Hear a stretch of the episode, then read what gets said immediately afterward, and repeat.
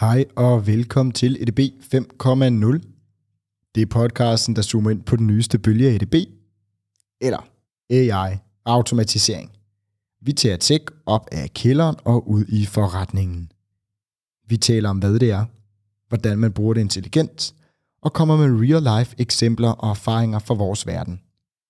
Husk, at du som altid kan dykke ned i shownoterne, så du kan se, hvornår i podcasten vi taler om det, som interesserer lige netop dig. Har du derfor ikke tid eller lyst til at høre alt, kan du nemlig vælge, hvad du vil lytte til. I dag har vi besøg af Kasper Lindskov. Kasper er til daglig innovations- og forskningschef hos Ekstrabladet, som i 2020 satsede på, at machine learning blev det nye. Og det kan man jo godt argumentere for, at det var en god satsning. Hør med i dag om NLP og recommender, hvad generativ AI pludselig har gjort for nyhedsmedierne, et tæt samarbejde med universiteter – og hvordan man kan gå fra forskning til anvendt AI, før fanden får sko på. Velkommen til endnu en episode af ADB 5.0.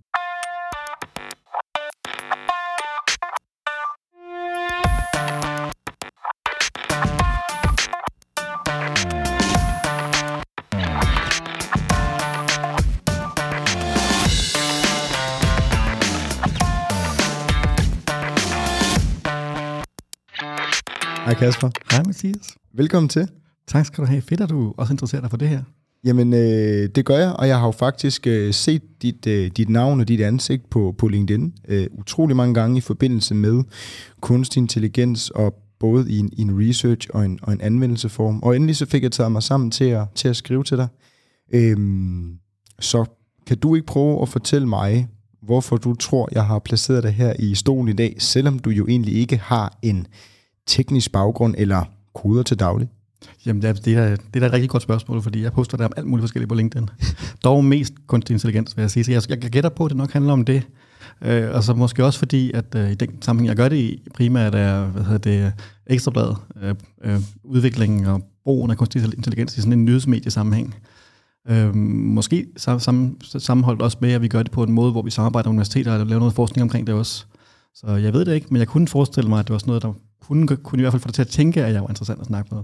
Det, det, det er nok derfor. Det er nok derfor. Øhm, og kan du ikke lige prøve ganske kort at riste din baggrund op for at arbejde med det her, og måske også sådan helt formelt, hvad din stilling er, og hvad du laver? Jo, det kan du tro. Altså, den korte historie om det, altså, det, det er, at øh, jeg, jeg har ikke nogen teknisk baggrund. Øh, jeg har været inde i Politikens Hus nu i, i 12 år, ret lang tid efterhånden i det her arbejdsmarked, vi er i. Men øh, jeg har lavet vidt forskellige ting, mens jeg har været derinde. Øh, jeg startede med at lave en erhvervsbyrde Altså der er, derfra der har jeg sådan arbejdet på politikken og på ekstrabladet kontoren med anvendte ting, samtidig med at jeg lavede noget forskning ude på CBS, der handlede om digitale forretningsmodeller osv. Øh, efter det, øh, så var jeg tiltrukket nok af praksis til, at jeg tog et job som chef strategi og forretningsudvikling på Ekstrabladet. Og ligesom, ligesom var der fuldtid, eller mere end fuldtid, og arbejdede med de langsigtede udviklingsting, som, som var relevant for Ekstrabladet i det hele taget. Det, og så var det omkring 2020, at, øh, at jeg havde fået nok af at prøve den der brede strategiting der, men stadig havde nok strategifokus til, at jeg tænkte, at øh, hvis jeg skal lave noget andet og noget mere fokuseret og snævert, som kan skabe værdi i et strategisk sigte, øh, hvad kunne det så være? Jo, det kunne være machine learning kunstig intelligens. Øh, så det var der, at det ligesom lykkedes mig at overbevise mine chefer om, at det var relevant for Ekstrabladet at begynde at fokusere på det her machine learning kunstig intelligens øh, og give mig lov til ligesom at bære fladet for at bygge noget på det område øh, derinde. Fedt, og det er jo det, vi skal tale meget mere øh, om lige om lidt. Og det, det er jo ikke en, øh, en podcast, hvor vi diskuterer øh, organisationsdiagrammer osv., men bare lige for en god ordens skyld. Du arbejder i JP Politikens Hus, som ejer Ekstrabladet. Ja, ja nemlig. Så JP Politikens Hus, det er jo en af vores store danske mediegrupper på nyhedsmedier. Der er Politiken, Jyllandsposten, Ekstrabladet og en række andre ting i virkeligheden også. Øh, det er en ret decentralt styret virksomhed, så det vil sige, at jeg er på Ekstrabladet, som egentlig er ret meget sig selv derinde. Hvad det, og på Ekstrabladet, der er jeg chef for forskning og innovation, hvad det, men altså specifikt med fokus på det her med AI machine learning. Hvad det, er vi så i løbet af de sidste par år har opbygget nogle partnerskaber med universiteter, altså jeg også bruger ret meget tid på at samarbejde med dem, og faktisk også selv lave noget forskning ud på CBS, er en anden del af historien. Øh, men, øh, men det er i dag, det er chef for forskning og innovation på Ekstrabladet, sådan en har de aldrig haft før. Det, øhm, og, det, og det er dermed, at jeg er chef for, for et, nogle projekter og et område, som uh, vi egentlig også går meget anderledes til, end vi plejer. Øh, fordi der er meget mere um, sådan eksplorativ udvikling i det her, end vi plejer at give os selv lov til at lave. Øhm. Ja, jeg ved, at, at vi skal jo øh, senere hen, vi har jo 20 startet lidt og talt sammen her øh, for lidt tid siden, men, men Vi skal jo især tale om det her, øh, måden I angriber det på, hvor I både laver noget research og noget anvendt. Øh, det kommer vi ned til senere, men kan du ikke prøve at fortælle sådan, øh, øh, rent på et introduktionsniveau omkring jeres samarbejde med de universiteter, og det med, at I også har et internt øh, data science team? Jo, jo. Så, så de, de, øh, de ambitioner, vi formulerede for, hvad vi gerne ville på det her område for, for ja, efterhånden tre år siden, der kan vi godt se, at det krævede, at vi, at vi fik adgang til nogle kompetencer ind på Ekstrabladet, som vi ikke umiddelbart havde på det her machine learning-område, hvor ting udvikler sig så hurtigt. Så, så det, vi gjorde, det var at finde nogle partnere, som vi troede var gode at arbejde sammen med på det her, og så lave en ansøgning til Nationsfonden, som vi har været heldige nok til, at de gerne vil støtte os. Øh, så derigennem har vi fået etableret nogle partnerskaber, både med nogle teknisk orienterede universiteter, der hjælper os med den tekniske udvikling. Det er DTU for eksempel? Ja, så, så DTU Compute er vores partner i forhold til udvikling af anbefalingsalgoritmer, rekommendersystemer, som er det ene af de områder, vi fokuserer på, som rent machine learning-mæssigt. Og så har vi et partnerskab med Computer Science på KU, øh, der er fokuseret på udvikling af, dansksproget NLP-algoritmer, som er ligesom vores andet domæne, vi er aktive på. Ja. Og så i forhold til det samfundsvidenskabelige, øh, der laver vi også ting sammen med både CBS og med øh, Institut for Kommunikation på KU. Øh, det handler om, at det vi prøvede at skabe dengang, det var en organisation, der kunne tænke hele vejen omkring de her løsninger. Fordi vi, vi både er optaget af at lave ting, der er teknisk gode og giver en god brugeroplevelse. Men vi også er opmærksom på, at altså, i AI generelt, men især måske kvæg den lidt særlige rolle, som nyhedsmedier har i samfundet, så er det ret vigtigt, at vi både får udviklet nogle teknisk gode systemer, men også at vi ikke kommer til at lave et uheldigt bump i, uh, i verden samtidig. Og hvordan gør man det? Um, det bliver en, hurtigt, hurtigt en stor snak. Det, men, men, men det vi er optaget af grundlæggende, det er, at vi uh, bruger de her systemer til at gøre hvad det, os bedre som medier. At vi bruger dem på måder, sådan, så vi bliver bedre i stand til at nå det, der er vores grundlæggende redaktionelle mission. Uh, og omvendt, at vi ikke bruger dem på måder, sådan, så vi kommer til at være noget andet end det, vi er.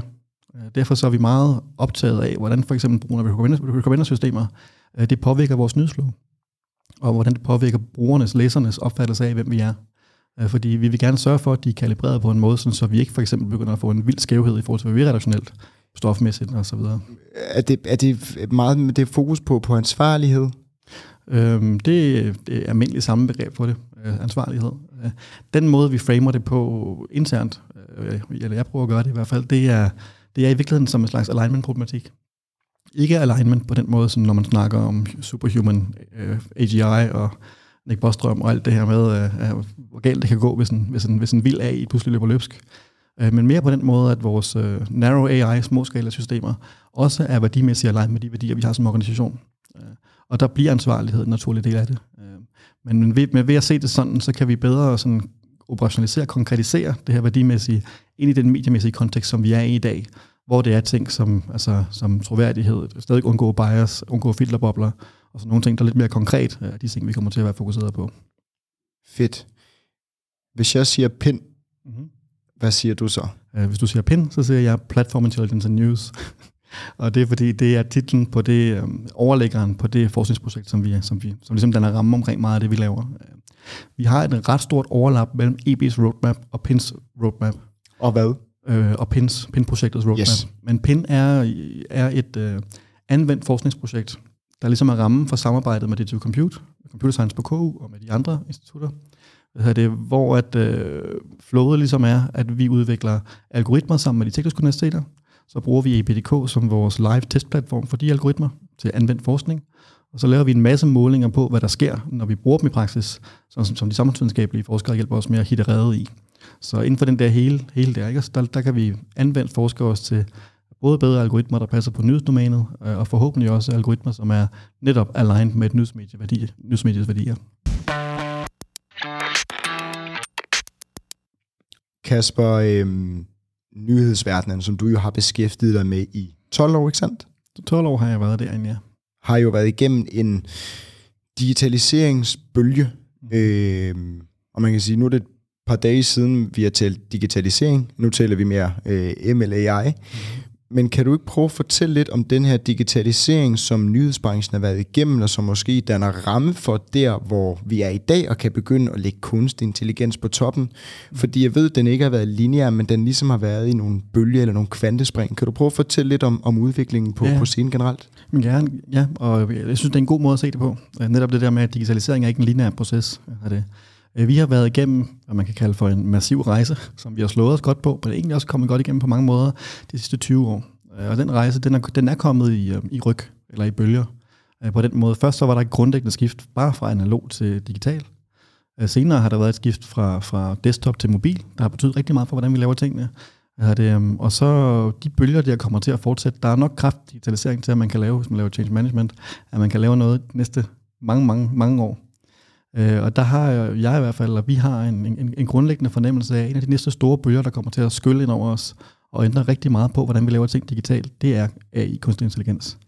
Og, og, og nu spørger jeg lidt dumt, og det er måske fordi, jeg igen sidder fanget af en boble af, at det er det, jeg beskæftiger mig med til hverdag. Men er den her ikke allerede, eller er den først på vej, eller lever vi ikke midt i den? Jo, altså jeg synes, vi lever midt i den.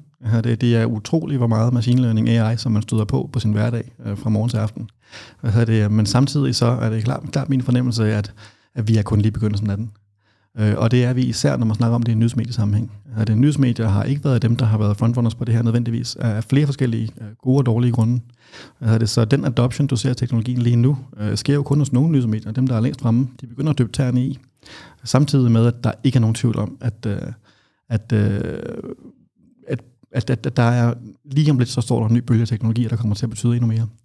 Uh, nu kommer vi måske til at snakke generativ AI på et, tid, på, på et tidspunkt senere. Er det, generativ AI er et område, som vi i vores første PIN-projekt, er det, um, som startede derfor, blev planlagt der for to år siden, uh, kun tog med på siden af forskellige grunde. Fordi der var fornemmelsen, at med et sigte på en, på en tre år eller deromkring, uh, ville det ikke være moden til også at have en praktisk applikation endnu.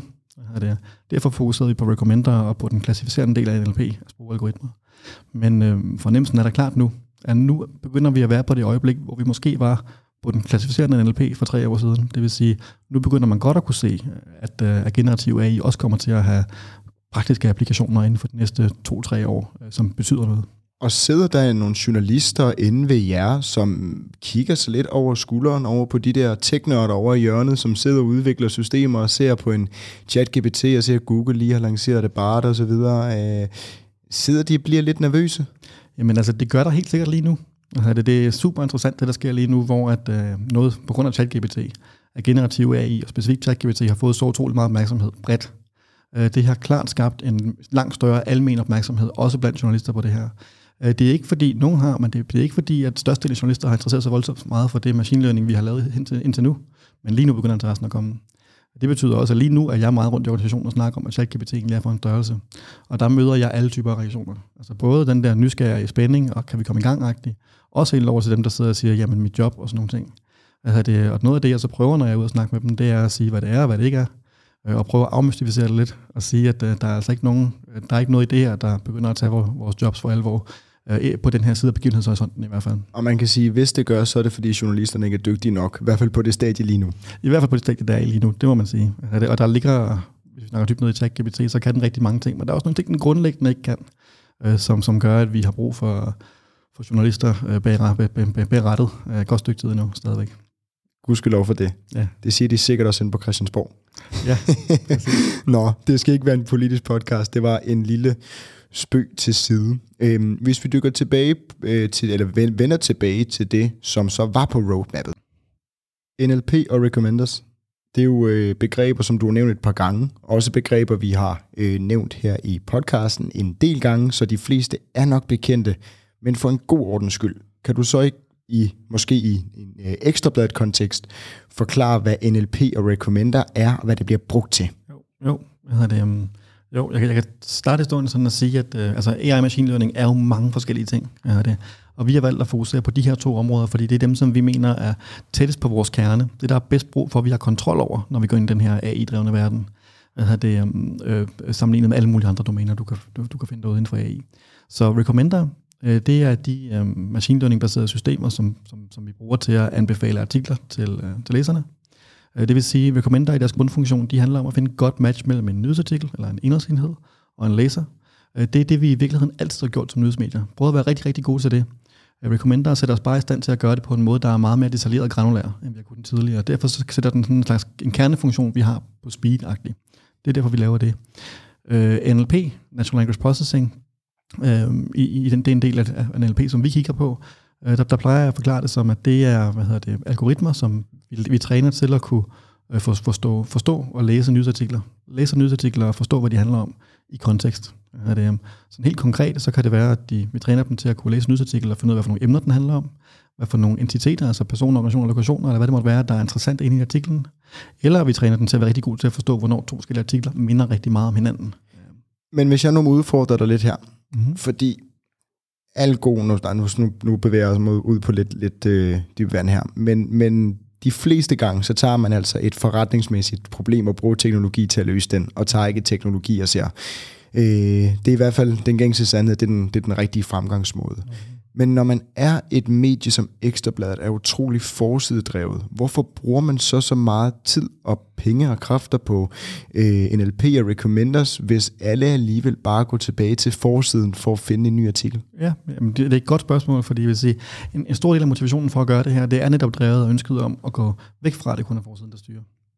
Øh, det vil sige, at øh, hvis man kigger på den øh, sådan en forsimplet udgave af den medieoplevelse, du typisk har på et dansk eller internationalt medie digitalt i dag, Øh, så er det ekstremt forsidestyret. Det er styret forside, der er ens for alle, øh, og som dermed øh, er nødt til at have artikler, der har en ret bred appel, og som hurtigt lister ned af forsiden, efter der sker nye nyheder. Hvad det, så, hvis du som bruger er inde og kigger på det, så finder du en, du gerne vil læse, klikker ind på den artikel der. Når du har læst den, så klikker du dig tilbage til forsiden på à la carte menuen og, og prøver at finde en ny nyhed, som du gerne vil læse det fungerer rigtig godt, og det er vi blevet rigtig store på den der oplevelse der. Men samtidig så er der nogle ting, der ikke fungerer ved den. Det ene det er, det, i forhold til alle de historier, som vi synes er relationelt relevante at prioritere, så har vi overhovedet ikke plads til dem det på vores forside. Derfor giver det mening at bruge AI-systemer til at sørge for, at, øh, at vi udnytter den plads, der er på forsiden bedre, så vi sørger for, at de læsere, der er interesseret i også niche-nyheder, faktisk får dem vist. Tilsvarende så giver det mening for os, når du er inde på en artikelside, og du ligesom har valgt, at den her nyhedsbegivenhed er spændende for mig at læse om, hvis nu vi har skrevet 15 artikler om den nyhedsbegivenhed der, så giver det rigtig god mening for os at tilbyde dig de artikler. Du vil nok gerne læse den, når du først er interesseret i nyhedsbegivenheden, i stedet for bare at lede tilbage på forsiden. Så, så det her det handler om at bruge uh, Recommender og NLP uh, øh, til at være i stand til at lave en der både er bredere end den, du plejer at få, og dybere i læseflowet end det, du plejer at få. Så det man gør, det er, hvis, øh, hvis vi skal tale i en, i en lægemands termer, øh, så man tager alle de artikler, der nu er, og putter dem ind i algoritmen. Og så lærer man at, den at kende på nogle bestemte ord, måske med noget supervised learning eller noget self-supervised learning, og så føder man den mere og mere og mere, indtil den bliver bedre og bedre, og til sidst så kommer man ud med et reelt produkt. Mm-hmm. En algoritme, som kan determinere, at den her artikel er der, hvis der er et threshold på 90%, så der er 90% sandsynlighed for, at læseren vil kunne lide den her artikel. Er det sådan, det foregår? Ja, i sin grundessens, så er det et eller andet sted, sådan det foregår. Og så er der til gengæld rigtig mange forskellige måder, både at træne og optimere sådan nogle systemer på, der gør de for forskellige effekter på den anden side. Det er rigtig vigtigt, når vi også er interesseret i, hvad for en newsflow-effekt det har. Tilsvarende, så når vi er ude i NLP-verdenen, så er det bare noget helt andet end rekommendersystemer. Man træner dem på forskellige måder, og, altså det, um, og, og um, skal kontrollere dem på forskellige måder, for at sørge for, at de ikke løber løbsk. Er det de samme øh, data scientists, som kan lære recommenders og NLP? Eller skal de kunne være forskelligt? Altså det, um, det, det er forskellige data scientists, øh, der bliver gode til, de, til, til hver de her domæner her. Så du kan ikke bare putte øh, ham eller hende, der har arbejdet med recommender-systemer øh, et år over i, i NLP, og så kører det bare fra dag et til, eller fra, fra første dag? Altså de, de, de fleste øh, uddannede data scientists vil godt kunne begge dele, altså det, men de vil have brug for at sætte sig ind i domænerne øh, for at blive gode til det. Altså det. Øhm, så, så, og, og vi, vi, det er det også årsagen til, at vi arbejder med et institut som partner på Recommender, og med et andet på, på NLP. Ligesom de erhvervsbyrdige, vi har også fokuseret på et af de to områder der. Så derfor er det forskellige domæner. Dog er noget af det, der er, der er super vigtigt at, at forstå, hvis man sådan gerne, vil, gerne vil lave det her på nyhedsområdet, det er, at uh, en del af grunden til, at recommender-systemer, altså anbefalingsalgoritmer, efterhånden er, fungerer i, i nyhedsdomænet, og er blevet meget, meget bedre end tidligere. Det handler ikke om recommender, det handler om NLP. Det, det må du forklare. Ja, det handler om, at øhm, øhm, hvad det, øhm, hvis nu vi gør det enkelt, og så siger, at der findes to forskellige typer af recommender-systemer. Så findes der på den ene side det, man kalder collaborative filtering, og på den anden side det, der hedder content filtering. De ord behøver man ikke sådan rigtigt at forstå, men, men, men det vigtige det er, at collaborative filtering, det træner man ved at kigge på en stor gruppe af læsere og finde ud af, hvad er læsemønstrene mellem dem. Der behøver man ikke at have en dyb forståelse af den enkelte nyhedsartikel. Man skal bare kunne se mønstrene mellem læserne. Og det er det, som vi er vant til at se ud fra Netflix, og som har været det dominerende domæne lang tid. Hvad hedder det, øhm, øh, det fungerer rigtig godt på mange områder, men det fungerer ret dårligt på nyhedsområdet. Så hvad der fungerer for Spotify og Netflix, fungerer ikke nødvendigvis for Ekstrabladet? Det er helt, helt sikkert tilfældet. Det, Øh, og det har noget at gøre med, at nyheds, på nyhedsområdet, der nyhederne, de kommer i en strøm, og de bliver meget hurtigt gamle. Øh, samtidig så er der nogle af dem, der faktisk er relevant et halvt år efter os. Øh, hvad hedder det? det er en situation, som ikke findes på Netflix eller på Spotify. Derfor giver det som regel bedre mening for dem at bruge collaborative filtering, hvor vi er, vi er nødt til at bruge nogle systemer, som øh, er langt mere robuste over for det tempoet i nyhedsflowet og ændringerne i læserinteresserne, der sker løbende. Det gør, at contentbaserede systemer de er langt bedre som regel at bruge i en, i en nyhedsanbefalingssammenhæng. Og der har vi lang tid lidt under af, at der ikke fandtes gode metoder til at lave, øh, lave øh, hvad hedder det, få en algoritme til at forstå indholdsenheden, altså nyhedsartiklen. Lave det, man machine kalder for en repræsentation af nyhedsartiklen. Og der hjælper NLP rigtig meget. Altså det, at vi har fået nogle, skabt nogle kæmpe fremskridt på, hvordan man laver NLP med transformermodeller osv., det er med til at gøre, at vi kan lave meget bedre repræsentationer af nyhedsartikler, og dermed også meget bedre contentbaserede recommender, som altså bare fungerer grundlæggende bedre end nyhedssammenhæng. Så hvis min bedstemor skal kunne forstå det, så har jeg haft behov for en maskine til at kunne lære, hvad der står i artiklen, før den anden maskine kunne øh, anbefale den til nogen. Ja. Det er en, det er en, det, det er en god forklaring. Skide godt. Den, øh, den bruger du bare. den tager jeg med. Skide godt. Øhm, jeg ved også, at, øh, at der er noget med, at artiklerne kan jo kun have en vis størrelse. Øh, jeg er med på, hvis der kommer en, en nekrolog, øh, øh, som, som er passende i Michael Bertelsens det sidste år program, øh, så kan de være lange, men, men typisk på Ekstrabladet, så er det jo korte artikler med, med hurtig info, hvor at man typisk ser på andre medier, og det kan være lange artikler, der folder sig ud. Mm. Kan man bruge teknologi øh, på en eller anden måde til at udfolde artiklerne, eller linke til andre ting, eller lade journalisterne, fordi en journalist skal jo ikke kunne vide alt om geologi, geografi, øh, teknologi, øh, biologi osv. osv. Kan man bruge teknologi på den måde til at understøtte journalisterne i artiklen? Mm. Ja, netop, og det er virkelig, virkelig også interessant, fordi du kunne høre før, jeg sagde, at vi prøver at skabe en bredere nyhedsoplevelse med recommender, en dybere nyhedsoplevelse, primært med, med NLP-relaterede artikler. Øh, men vores tredje område, vi fokuserer på, det er at prøve at skabe en rigere nyhedsoplevelse. Og det handler om at bruge machine learning-teknologi og andre teknologier til øh, at sørge for, at det, du normalt læser i en nyhedsartikel, øh, det bliver suppleret med anden relevant information, som du har brug for, eller som kan berige dig, imens du er i gang med at læse nyhedsartiklen. Øh, typisk fordi der ikke er plads i den, eller journalisten ikke har tænkt på at skrive det, eller fordi du øh, dig som læserprofil har brug for noget særlig information omkring det. Øh, det øh, der kan, der kan NLP også hjælpe med det, og det øh, kan man gøre på, på, på simple måder, simpelthen ved at finde ud af, for nogle personer, der bliver nævnt og er vigtige i kontekst for en artikel, så træk en faktaboks ind omkring den person. Ligesom vi ser det, Google gør, når du søger på en person, så kommer der en faktaboks ind omkring det.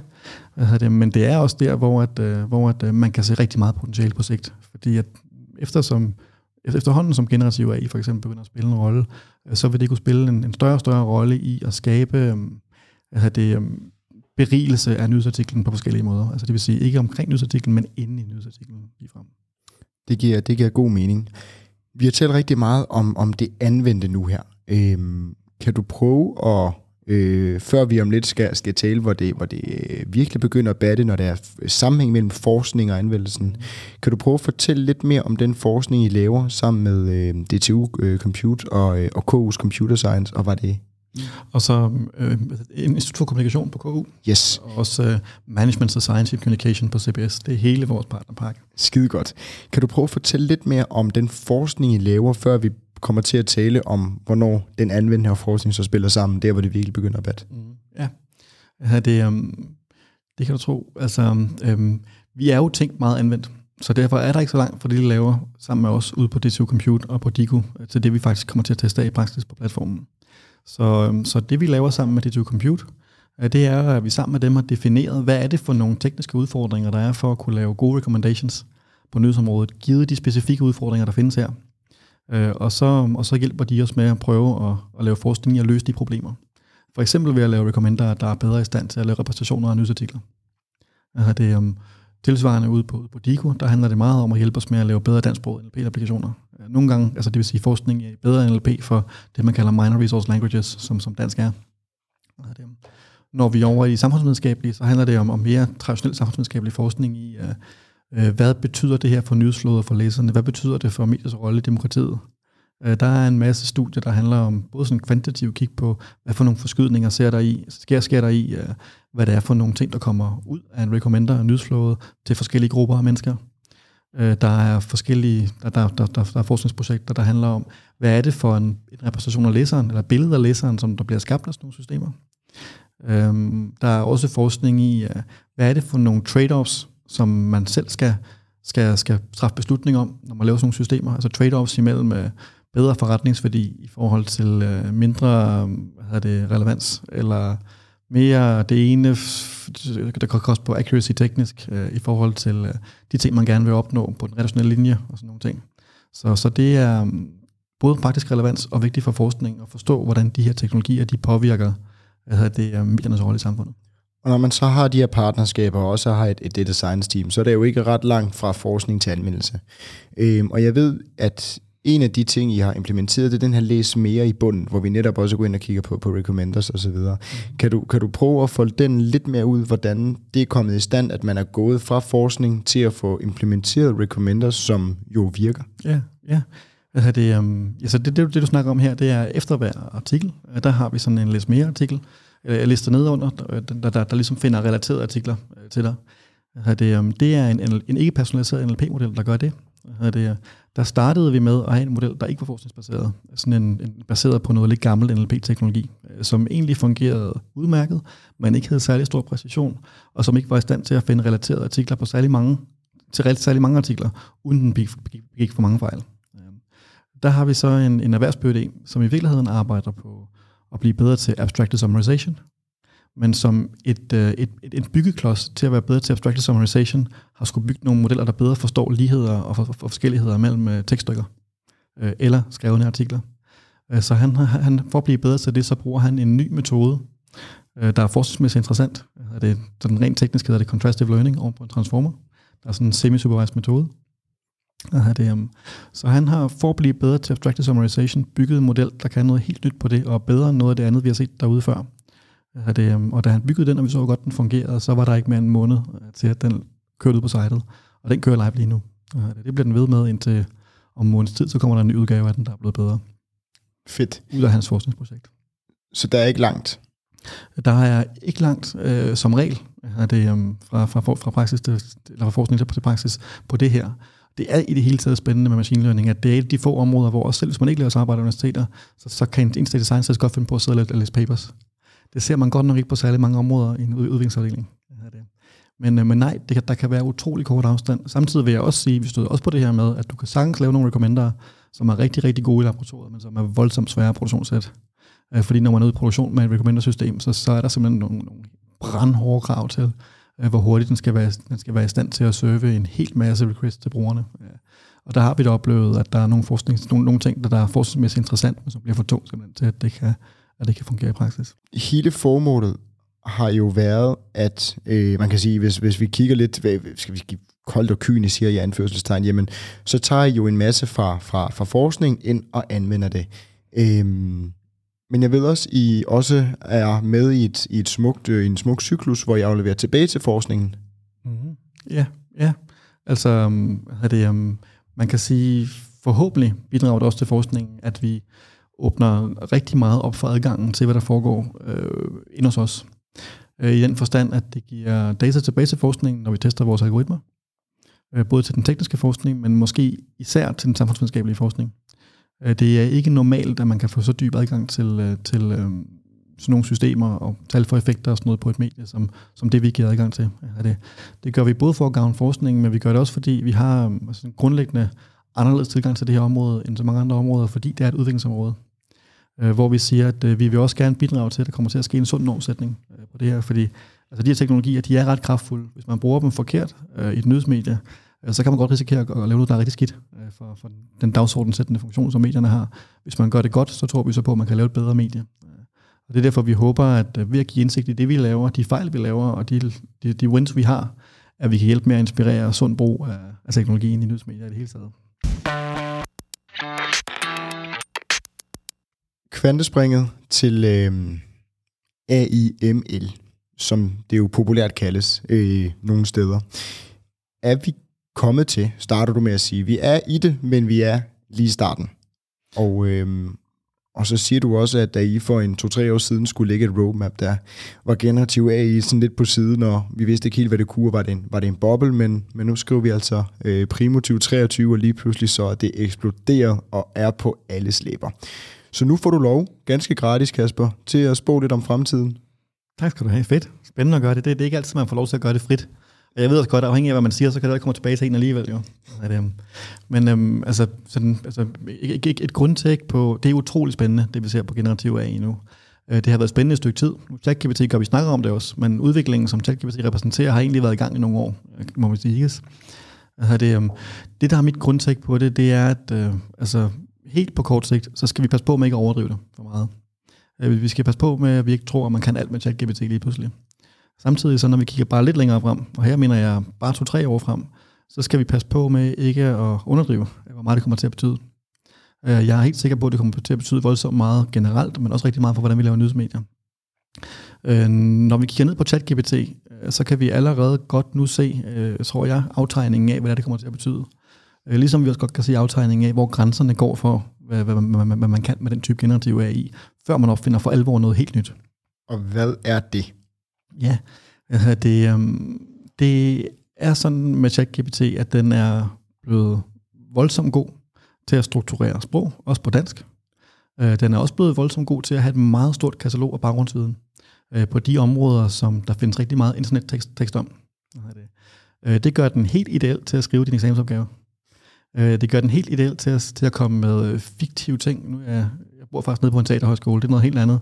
Men der er det sjovt at se, hvordan man kan bruge den til at kombinere forskellige genrer inden for teater til at skrive et manuskript, øh, som er helt unikt, originalt og nyt og spændende.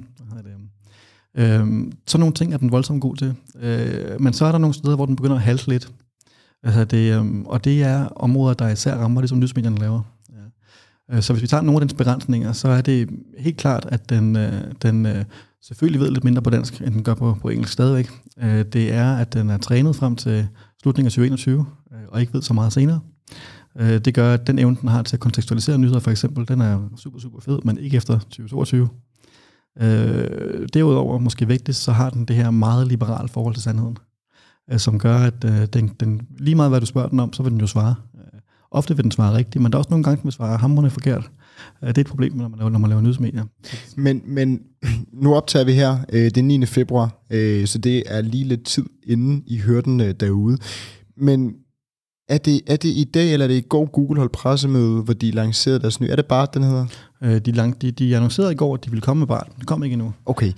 Men der er en af hovedforskellene, nu har jeg ikke sat mig dybt ned i det nu, men der er en af hovedforskellene for ChatGPT, som jeg kunne læse det, det er, og det er sikkert helt, helt sikkert outdated, når det kommer ud i æderen, det her, mm. men det er, at den bygger på øh, en øh, ny, øh, konstant ny information, hvor ChatGPT jo, som det ser lige nu, kun går tilbage til 2021. Ja. Så når du siger nogle af de her ting, jamen så har vi jo allerede Google, der er med nu mm. til at eliminere nogle af de, eller øh, mitigere nogle af de fejl, der er, og så kommer Microsoft blive ved, og så kan det være Amazon kommer osv. Netop, så derfor så siger jeg også, at, at bare på et, med et perspektiv på et par år, skal man passe på ikke at underdrive, hvor meget det kommer til at betyde.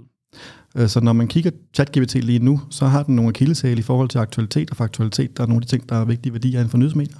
Det betyder ikke, at man ikke kan bruge dem, og jeg kan snakke lidt om, hvordan vi faktisk begynder at bruge den lige om lidt, hvis det er.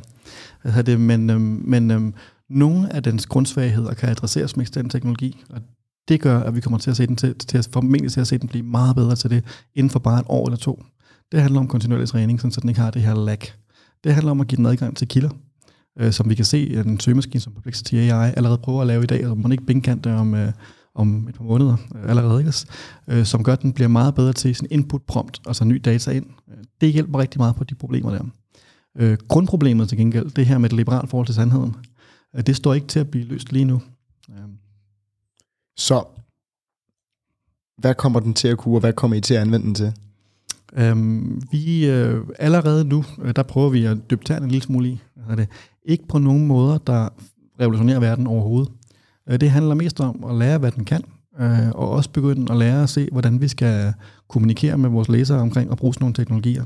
Øh, så det vil sige, at når vi laver generative ting inde på Ekstrabladet, så laver vi primært ting, der er baseret på god gammeldags regelbaseret ekspertsystem AI.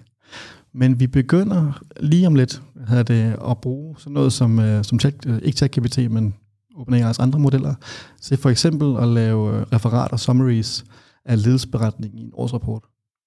Øh, det vil sige, at øh, den del af en årsrapport, der ikke er struktureret tekst, som man ikke kan håndtere med den gamle metode, der kan man faktisk godt, hvis man virkelig, virkelig bliver god til prompt engineering-delen, bruge den til at lave et referat, som du kan udgive og bruge, øh, og bruge til øh, at give til læserne.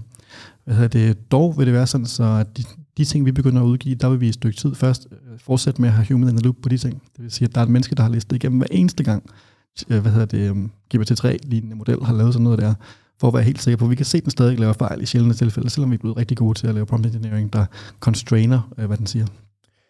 Og, øhm, og hvis vi går lidt væk fra generativ AI og tænker mere på, øh, hvad kan man sige, den, den anden del, skal vi kalde det den klassiske machine learning, som vi kender lige nu, øh, som I også arbejder meget med, NLP Recommenders osv. Hvordan ser medielandskabet ud generelt i Danmark? Lad os prøve at tage Danmark som eksempel. Er det Ekstrabladet, der er frontløberne på det her, eller hvordan ser det ud? Ja, altså, hvad hedder det, min, min fornemmelse, det er, det er da klart, at Ekstrabladet er frontløber i Danmark på de her ting her. Øh, kvæg de ting, vi har opbygget i på de sidste par år. Det. Og det er jo selvfølgelig udtryk for, at vi er super seje. Selvfølgelig. Det, um, selvfølgelig. Uh, men måske også ret meget udtryk for, at, at det ikke er teknologier, der for alvor er begyndt at blive integreret i nyhedsmedierne endnu. Uh, det er flere forskellige gode grunde. Så vi er nok frontløbere i en mediesammenhæng, især i Danmark, men måske også lidt bredere. Hvad det, men vi er bestemt ikke frontløbere, når man kigger på andre medietyper, som Netflix, Spotify osv.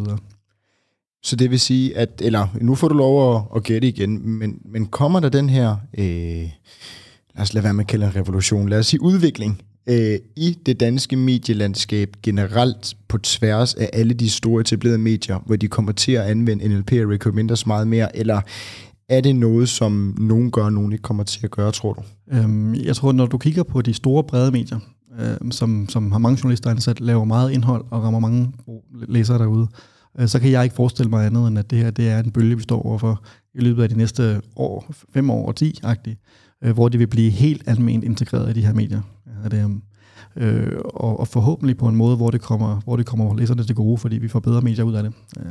Det, der er så voldsomt vigtigt, det er altså bare, at vi gør det på den rigtige måde. Ja, det, øhm, nu vi snakker lidt ned i det, det kan vi snakke meget mere ned i. Øh, men det kan gå roligt galt, og det må ikke blive noget, vi får, vi konkurrerer ned mod laveste fællesnævner.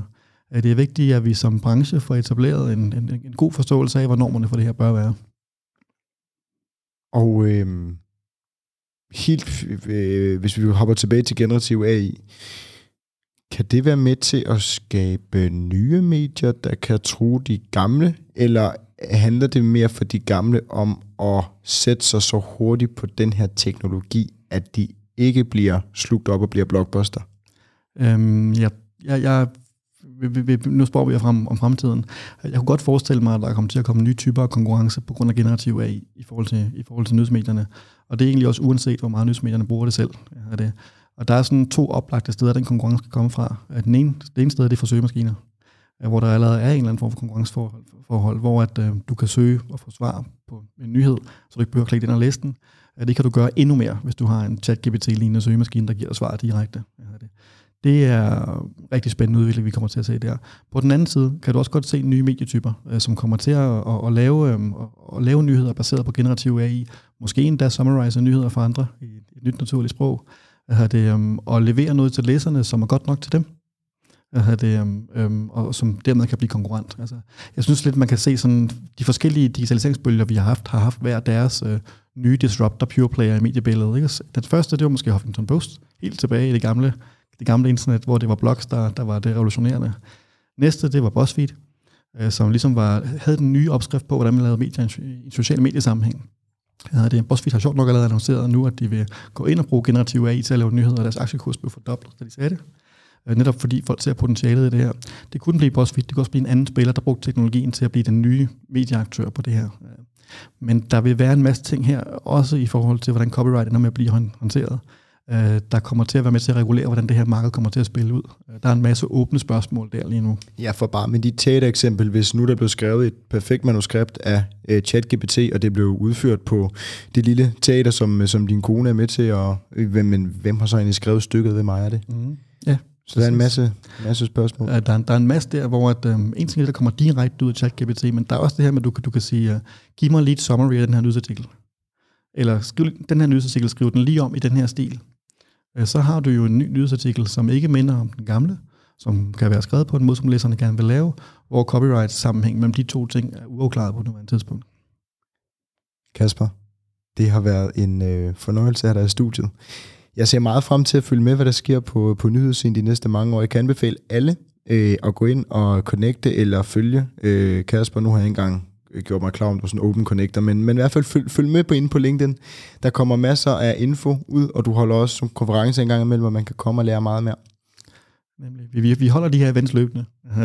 Så alle, der er interesseret i at debattere normsætningen for det her nyhedsmedie, kom endelig til vores events. Næste, det er 9. 10. maj, øh, Nordic AI Media Summit, hvor vi får hele Norden til at komme ned og både blive inspireret på AI og mellemrådet på medier, og også debattere om, hvad for en udvikling det er, vi bør se på det her område. Kanon. Tusind tak, fordi du vil komme og gøre mig og alle lytterne kloge, Kasper. Vi, øh, vi ses. Tak skal du have. Tak fordi du interesserede dig for det. Selv tak.